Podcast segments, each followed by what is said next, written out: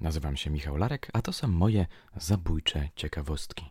Odcinek drugi w paszczy lwa.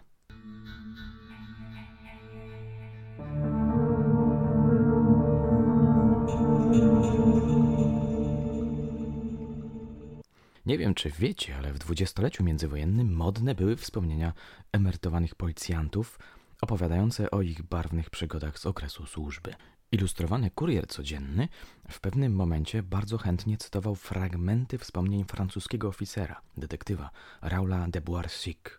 Zdaje się, że nawiązywałem do jednej z jego przygód w złych kobietach. Przeglądając ostatnio kolejne numery krakowskiego dziennika, natrafiłem na przedruk fragmentów wspomnień dotyczących próby uratowania Edith Cavell, nie wiem, czy kojarzycie Edith Cavell? Ta brytyjska pielęgniarka była przełożoną szpitala wojskowego w Brukseli. Za swoją ofiarną pomoc aliantom została skazana przez Niemców na karę śmierci. Opowieść francuskiego policjanta zaczyna się wtedy, gdy zapadł na nią wyrok śmierci. Posłuchajcie, oto ilustrowany kurier codzienny z dnia 19 stycznia 1928 roku.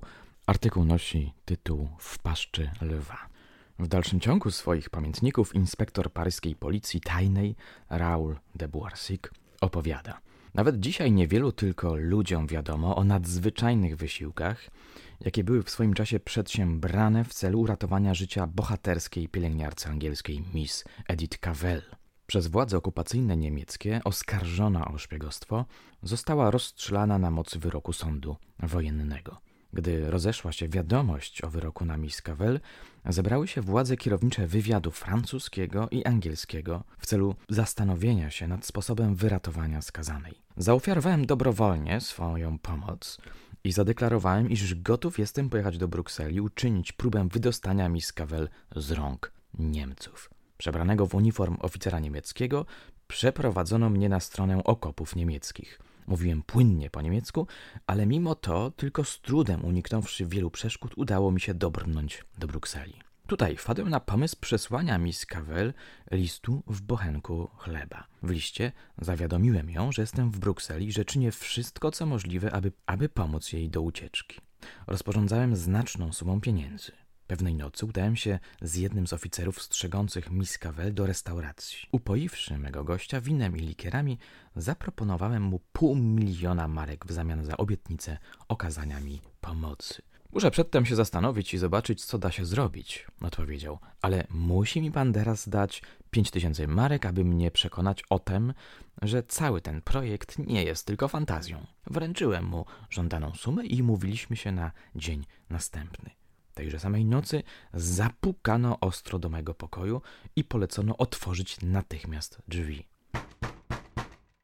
Zrozumiałem w tej chwili, iż mój oficer dał znać wywiadowi niemieckiemu o mojej propozycji i że to policja przyszła po mnie. Narzuciłem szybko ubranie na siebie, złapałem rewolwer i przez okno wyskoczyłem na ulicę. W chwili, gdym był już na chodniku, policjanci wyłamali drzwi pokoju i widząc moją ucieczkę, dali ognia w moim kierunku. Po pół godzinie całe miasto było zaalarmowane. Dało mi się jednak znaleźć dobrą i pewną kryjówkę. Pomaszerowałem wprost do kwatery generała gubernatora, generała Bissinga i tam udało mi się dotrzeć do gubernatora wojennego.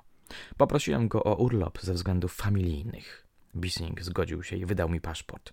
Teraz udało mi się z łatwością opuścić Brukselę. Wynająłem auto i pojechałem w kierunku granicy niemieckiej. Po pewnym czasie zawróciłem i przez całą noc pędziłem ku zachodowi, ku frontowi niemieckiemu. Przedostawszy się na front, zdołałem zmylić czujność wartowników i prze przekraść się do okopów angielskich. Misja moja nie udała się.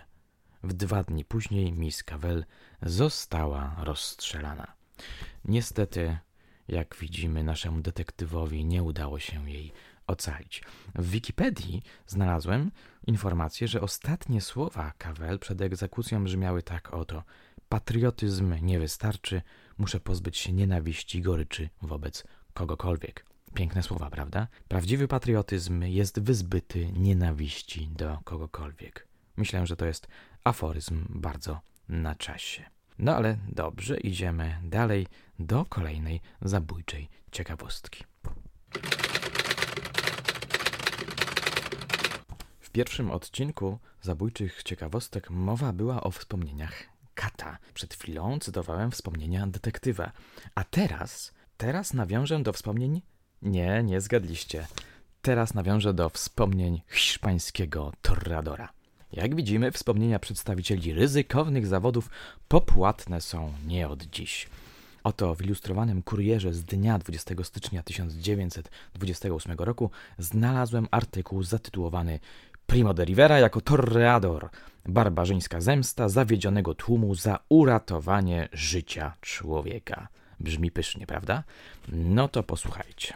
Pewien hiszpański dziennik ogłosił niedawno wspomnienia słynnego torreadora Francisa Romero, zawierające cały szereg ciekawych szczegółów. Jeśli mamy wierzyć autorowi pamiętników, to nawet wszechpotężny hiszpański dyktator Primo de Rivera występował pewnego razu w roli torreadora. Przed wielu laty w Barcelonie odbywały się uroczyste walki byków, w czasie których dzisiejszy dyktator występował w charakterze gościa honorowego i dyrektora areny. Defilada zapaśników już się odbyła i oczekiwano właśnie na pojawienie się Torradora, który jednak uległ nagłemu atakowi nerwowemu i wzbraniał się pójść do walki.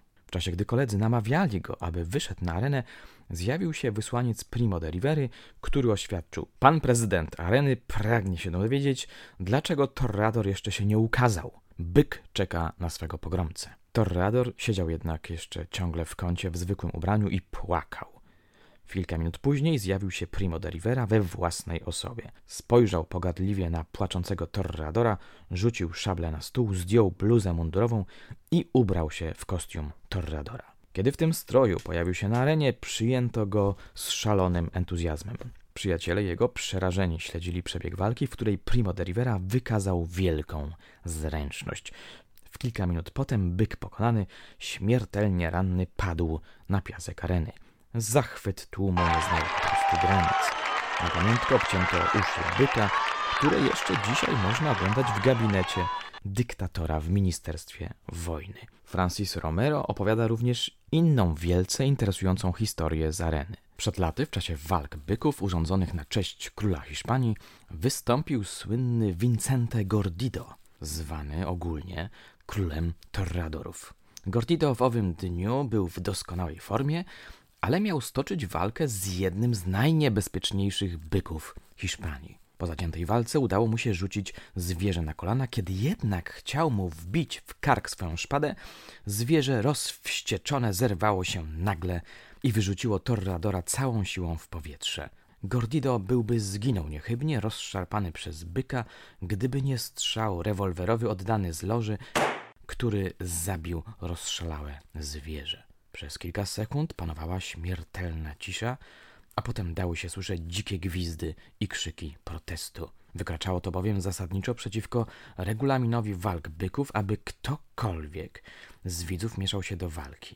Policja od razu przeprowadziła śledztwo, ponieważ nawet król nie krył się z objawami niezadowolenia. Okazało się, że to strzeliła piękna kobieta, przyjaciółka Gordita, która w ten sposób chciała uratować życie ukochanego. Oddział żołnierzy musiał ją chronić przed wściekłością tłumu, który uchybienie regułom walk byków uważał za coś gorszego aniżeli zabójstwo. Kobietę tę zaprowadzono na posterunek policji i dopiero następnego dnia uwolniono. Kiedy ją na ulicy poznano, obrzucono kamieniami, zadając tak ciężkie rany, że następnego dnia zmarła. Gdy Gortito dowiedział się o tragicznym losie swojej ukochanej, bez broni udał się do stajni, w której znajdowały się byki. Następnego dnia znaleziono jego zwłoki tak strasznie pokaleczone, że prawie nie do rozpoznania. Wspaniała scena, czyż nie?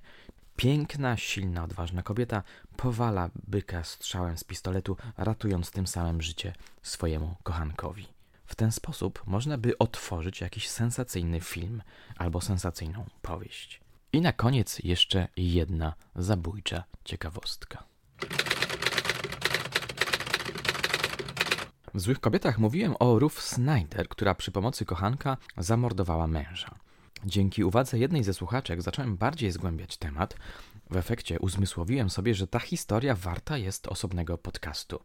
Nie wiem, czy wiecie, ale jeden z dziennikarzy zrobił zdjęcie martwej i spoczywającej na elektrycznym krześle Snyder i puścił je w obieg. Była to nie lada sensacja. W gazecie wyborczej znalazłem niedawno artykuł o wymownym tytule Ruth Snyder i Judd Gray, zbrodniarze, którzy rozpalili Amerykę. Niebawem zabiorę się za podcast o tym morderczym tandemie. Tymczasem przeczytam wam mały, choć poruszający drobiazg o Snyder, który znalazłem w ilustrowanym kurierze codziennym z dnia 21 stycznia 1928 roku. Otóż ktoś chciał porwać po egzekucji jej ciało i, ale zresztą sami, posłuchajcie. Próba porwania zwłok straconej Snyder. Z Nowego Jorku donoszą. Dzienniki podają sensacyjne szczegóły o próbie porwania zwłok morderczyni Ruth Snyder, straconej na krześle elektrycznym. Zwłoki chciano natychmiast po egzekucji samochodem sanitarnym uprowadzić do kliniki pewnego lekarza, który miał zastrzyknąć do serca adrenaliny, by w ten sposób podjąć próbę przywrócenia straconej życia. Lekarz twierdzi, że mu się taka próba uda. Przedsięwzięcie spełzło na niczym, ponieważ państwowa kontrola oglądała zaraz po egzekucji zwłoki i zatrzymała je na miejscu. Kochani, będę monotematyczny. Dla mnie brzmi to jak początek jakiegoś horroru. Wyobraźcie sobie, zwłoki udaje się rzeczywiście uprowadzić, genialny i szalony lekarz ożywia zabójczynię, a ta, zamieniając się w jakieś monstrum, ucieka i zaczyna siać spustoszenie w całym Nowym Jorku. Zaczyna zabijać. Oczywiście według pewnego klucza, który rozpoznaje jakiś utalentowany śledczy, który rusza za nią w pościg. Co wy na to? Że poniosło mnie za bardzo. No dobrze, w takim razie czas najwyższy zakończyć dzisiejszy odcinek zabójczych ciekawostek. Dziękuję Wam za życzliwą uwagę i do usłyszenia już niebawem.